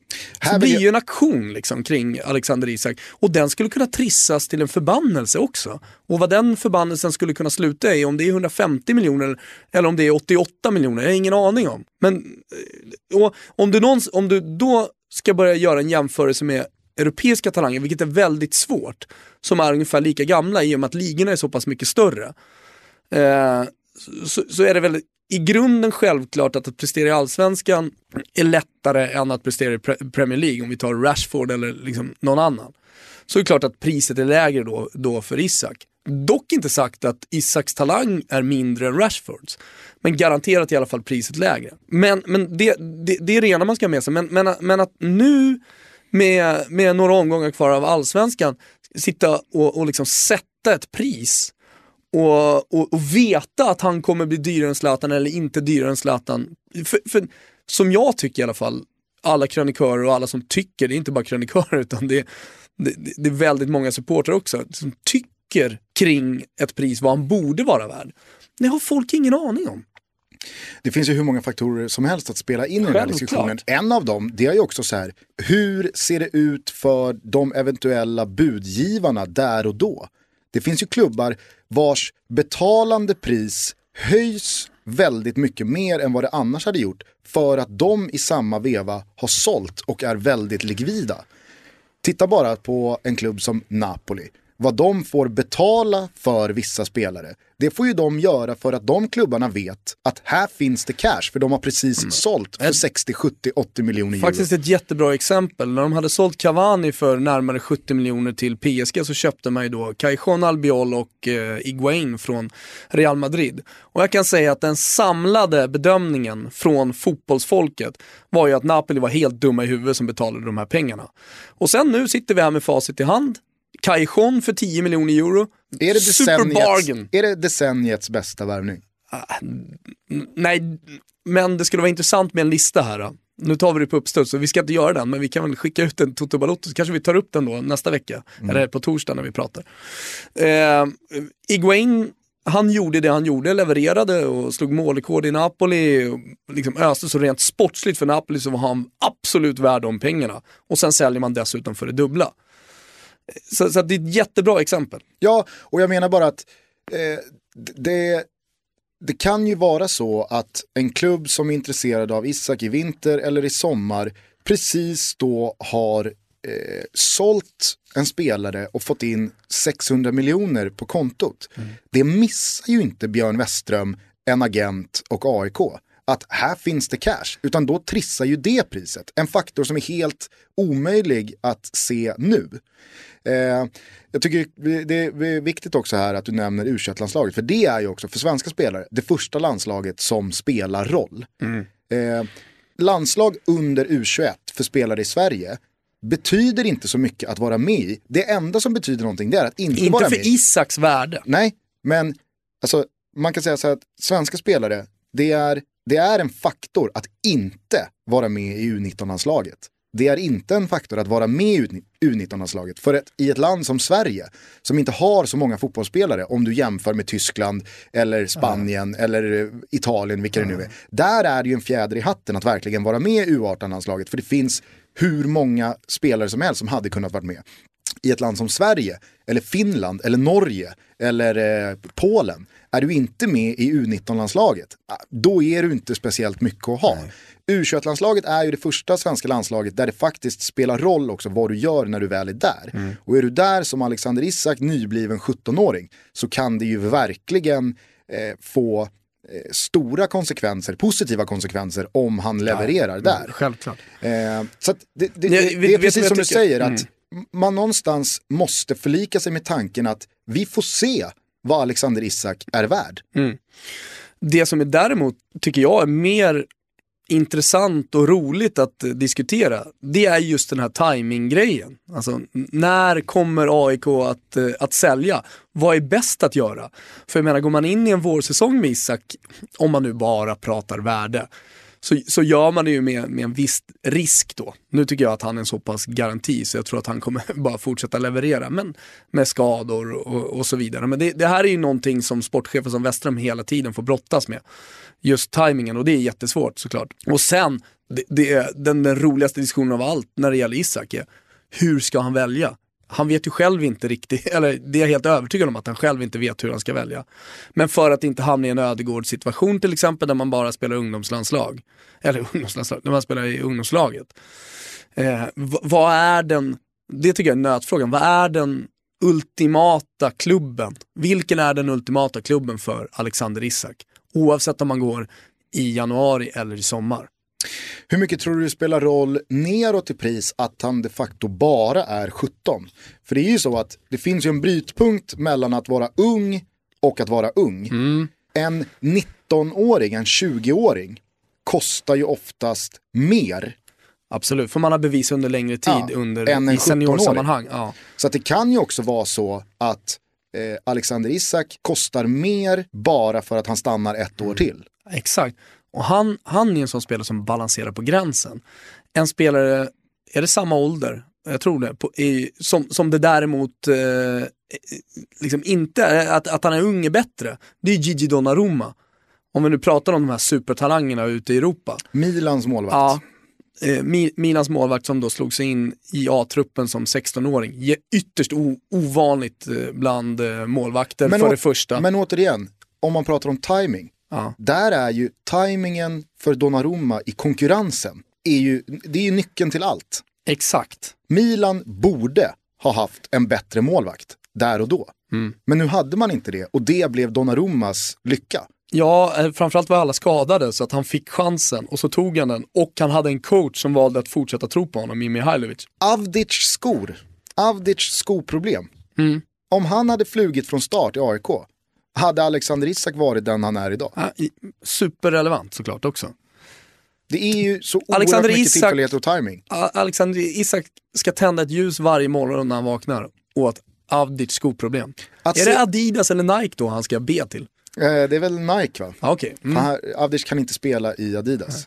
Hade CSKA, Alexander Isak hade aldrig blivit något om det inte hade varit för Avdic skoproblem. hade CSKA Moskva varit rimliga så hade ju de släppt Carlos Strandberg till Ja, AIK. verkligen. Hade Carlos Strandberg fortsatt spela i AIK eh, sen i mitten på juli, hade Alexander Isak varit den han är idag. Nu levererade ju de två tillsammans. Verkligen, men jag tror att, Ny coach va? jag tror att alla var nog överens om att Carlos Strandberg Var den stora stjärnan. hade, eh, han hade ju gjort mer för AIK under de... Det har blivit mer plats för en spelare eh, som Alexander Isak att lira tillsammans då med en eh, statisk eh, nia som Eero Markkanen är.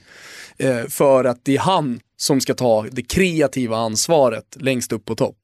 Och där kan ju... Där alltså- även Carlos Strandberg gjorde, tog en, en, en stor del av ansvaret. Och nu nämner du hans namn, men där kan man ju verkligen prata om hur snabbt det svänger för spelares prislappar. När du nämner då Eero Markkanen. Han hade ju inte i ett enda fönster innan och han kommer inte i ett enda fönster igen. Kostar 25 miljoner kronor. som han gjorde då när Real Madrid hux flux sommaren Supertiming. 2014 känner att nej vad fan vi nyper, vi slår Ja. till. För att han hade, han hade kommit liksom otränad, eh, machotränad till AIK, gått ner, jag vet inte vad pratade Andreas Alm om, 10 kilo. Eh, gått ner. Kommit in i det, gjorde liksom en, jag tror att han gjorde en 5-6 mål på eh, 9-10 matcher. Bland annat då när han gör det här supermålet i derbyt mot Djurgården. Och sen så bara stämmer det, Real slår till. Sex månader senare så finns inte det budet på bordet. Alltså inte överhuvudtaget. Nej. Ja, men, Och det kommer precis. aldrig finnas igen. Nej, och det kommer, den kommer ju att finnas för Alexander Isak eftersom han är så pass ung. Men precis som när Två du, olika. när du säljer din lägenhet. Ja. Du kan ju ha flytet att där och då så har två eh, för varandra okända personer precis sålt sina lägenheter. De är likvida, de har cash på fickan och båda är skitsugna på din lägenhet. Den tajmingen har ju inte alla. Nej, Ibland sitter du inne på en superlya men marknaden är kall. mm. som den är nu. Ja, alltså det, det, det, det ska bli oerhört spännande att se vad det går för. Men de här spekulationerna, huruvida kommer det bli mer än Zlatan eller inte? Ja. Jag tycker i alla fall, för mig så är det intressanta är hur ska han tänka, vilken klubb ska han ta? Och eh, jag har inget svar på det just nu, men, men vi kan väl fortsätta att utreda den frågan och eh, ta upp diskussionen igen framöver här. Jag tycker i alla fall att man ska komma ihåg Hålla då, sig borta från de allra största. Ja, men eh, viktigt och intressant i sammanhanget är ju att Björn Westström sa de facto i Simors halvtidsstudio då igår att eh, det är eh, fullt rimligt att tro att Alexander Isak spelar i AIK eh, 2017. Men det är inte speciellt eh, troligt. Nej, exakt. Men det, det, det, det finns ju intentioner, för första gången så börjar ju AIK prata i konkreta termer om att nej, det kommer nog bli en försäljning Mm. i vinter. Exakt. Här, och det tror jag inte många liksom tänker, man tänker bara att det handlar om klubbarna och om pengar. Men, men här har ju faktiskt spelaren väldigt, väldigt mycket att säga till om. Och som det känns för mig så är eh, Alexander Isak en intelligent ung kille med väldigt bra rådgivare omkring sig. Och då pratar jag inte bara om agenter som rådgivare utan eh, eh vänner, bekanta, familj som liksom för honom in på rätt spår. Så att när han väl fattar beslutet så är jag helt övertygad om att det kommer att bli ett bra beslut. Det är ju inte alltid så.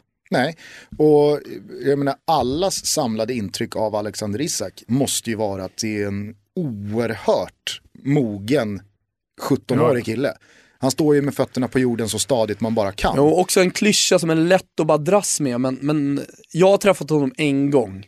Och det var efter att han hade avgjort på, på Råsunda, var det mot Elfsborg? Det var det. Mm, hemma. Och eh, fick ta, hade precis varit och tagit emot eh, Norras eh, jubel. Och sen så kom han kom upp och så fick jag en kort pratstund med honom. Totalt med fötterna på jorden. Mm. Det var, man fick käns verkligen känslan av det här. Ja, det är upp och så är det matte B 09.20 imorgon. Och det är härligt. Nej, men igår, Eller det är en garanti, igår för så, mig i alla fall. och igår så försökte ju då Simors Camilla, hon försökte verkligen dra ur honom något liksom sväva på moln citat Mm. med sina frågor både i halvtid och efteråt. Men det går inte. Det går inte. Nej. Han, han ger ingenting för att han verkar faktiskt ha hundraprocentig koll på sina känslor, sina tankar och liksom sig själv. Eh, så att, eh, ja, den stora frågan kvarstår. Blir han dyrare än Zlatan? Ja. du, eh, Petter Veland, han gillar vi. ja, om vi gör. Vet du vad han bjöd, vet vad han bjöd på för jävla superfakta igår? Berätta. På tal om det här, det här är inte, bear in mind här, det här är inget låtsasrekord. Det här är bara en faktoid, Ja. en, en stat som är intressant att nämna. Eh, Celta Vigo ledde med 3-0 mot Barcelona i halvtid igår. Vet du hur länge sedan det är sen Barcelona låg under med tre mål i halvtid sist? Nej. Gissa, alltså vad, borde vara rimligt? Rimligt borde ändå vara att det är någon gång under de senaste 15 åren. Så säg 2002. 95. Det är ju helt sjukt. Alltså, jag kanske får revidera då min lilla liksom, eh, super... eh, Nej, det är inget rekord. Det här är en faktoid. Du har helt rätt. Ja, ja, precis. Men jag tänkte att jag skulle revidera det här med att Atletico Madrid har så jävla hög lägstanivå. Alltså att, att inte ha legat under med tre mål i paus. Någon Visst. gång kommer ju ett hjärnsläpp. Exakt. Någon gång på 21 år. Att inte ha gjort det sedan 1995, är, det är ju helt sjukt. För att visst, det är inte jättevanligt att man ligger under med tre, tre mål i paus. Men det händer ju. Petter är Simors eh, norska gubbe. Följ honom om ni vill ha en, eh, ett flöde med eh, riktigt intressant eh, liksom La Liga-runk eh, i, eh, i, på Twitter. Han är otroligt eh, bra att följa om man gillar spansk fotboll. Ja, han väljer också ut bra. Eh, med det så kanske vi ska börja klappa ihop den här butiken för, eh, för idag. Mm, Vi är, tillbaka, vi är tillbaka om några dagar redan. Det stundar ju eh, VM-kval, dubbla matcher för Sverige. Så jävla surt med Sampa. Ja. Att han skadar ljumsken här i Heren för en sista match. Vi har försökt att ringa till uh, utrikeskorrespondenten men han befinner sig i någon form av depression här.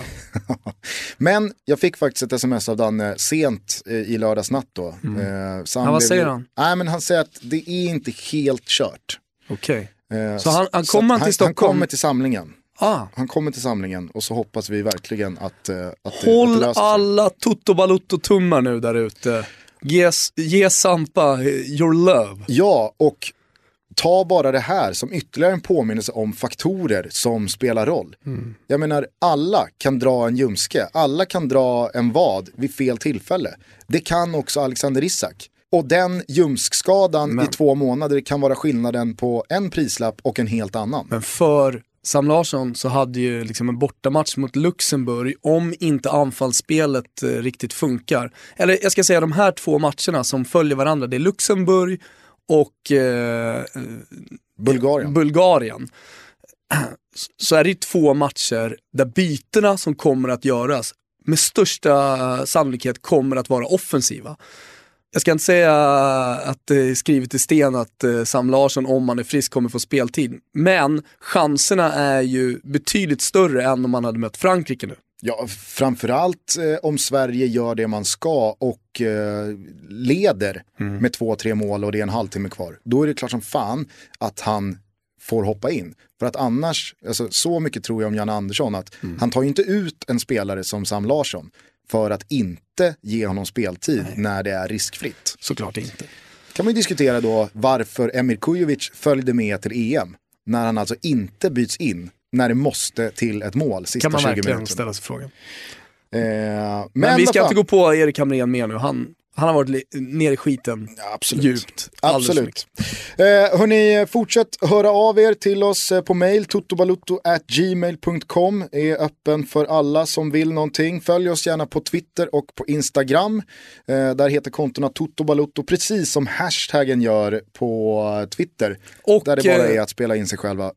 Mm, och om man vill ladda ner Radioplay-appen där man numera också kan höra oss. Vi finns fortfarande kvar i alla andra, på alla andra app-plattformar. Exakt, att, men vi seglar numera under konstigheter. Radio Play-flagg och det är vi väldigt, väldigt glada och tacksamma för. Det känns som det blåser riktigt, riktigt eh, friska medvindar här, vindar här på uh, Bauer Media. Ja, verkligen. Eh, Kim, vi gör väl så att vi rullar igång eh, Frans gamla dänga Ingen kickar fotboll som han. Eh, vad heter den? Zlatan is the man. Zlatan is the man. Och så säger vi återigen eh, grattis på födelsedagen till vår största genom tiderna och på återhörande. Vi har förmodligen också med oss eh, en eh, riktigt tung jävla gäst till nästa avsnitt. Who's the man? Who's the man? Zlatan, Zlatan, ciao tutti. Ingen kickar fotboll som han Zlatan, jag säger Zlatan. Svenskans hopp, vår superman Zlatan, jag säger Zlatan. I love you, ich lieben dich Zlatan Ibrahimovic Den vägen du startade ditt liv behöver inte leka I Rosengård Tänk att det fanns människor som sa att Zlatan var trams.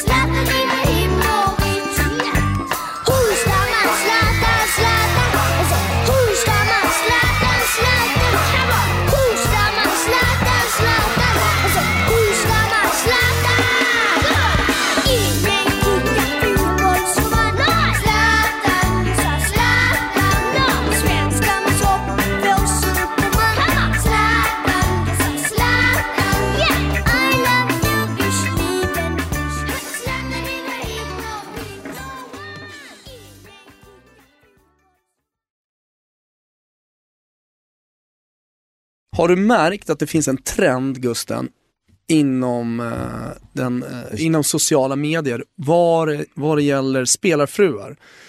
Victor Nilsson Lindelöfs Brucka, hon eh, lägger ofta ut eh, små korta videoklipp eh, på eh, sin, sin kille. Och man skrattar åt det. Jag tror hon heter Maja eller någonting sånt. Vardagssituationer som då, som, som då uppstår. uppstår.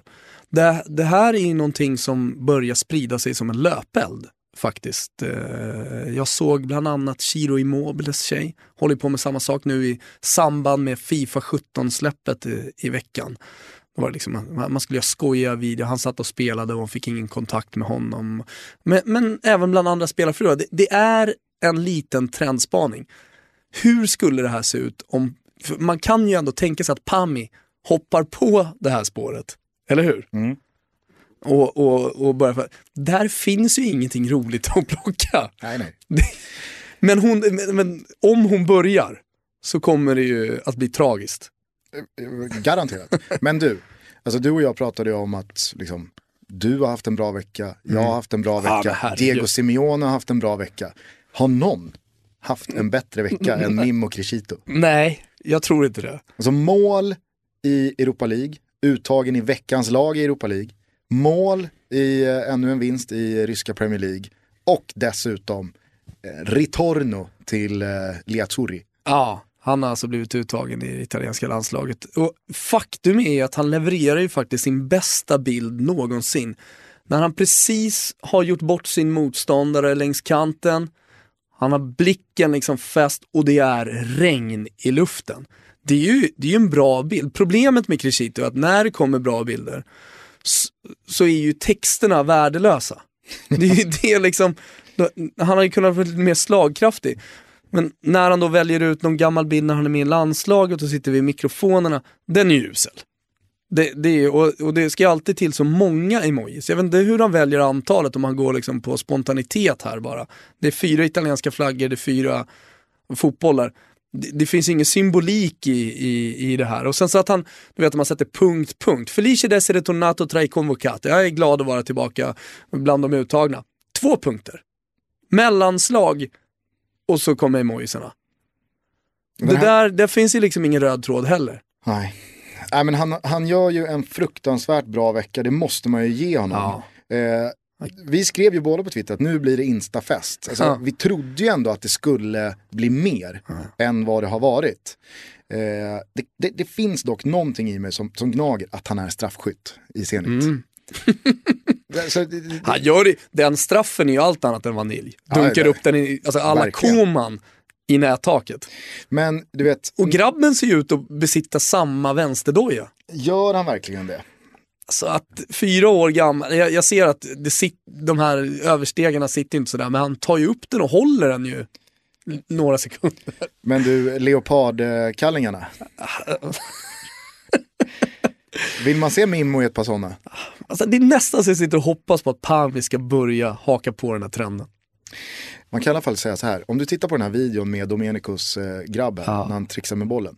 Alltså, någon måste ju ta tag i sladdarna hemma hos familjen Crescito. Det ser ju Ta hem någon från Elgiganten och alltså. lös det där. Du tjänar 40 miljoner netto per år gubben. Exakt. Exakt. Och den där stolen. Så han paintar något på väggen. Ja, det finns faktiskt mycket. Ja, en gammal bergsprängare? Nej, Det ja, väl, det finns mycket att gotta sig. Ja.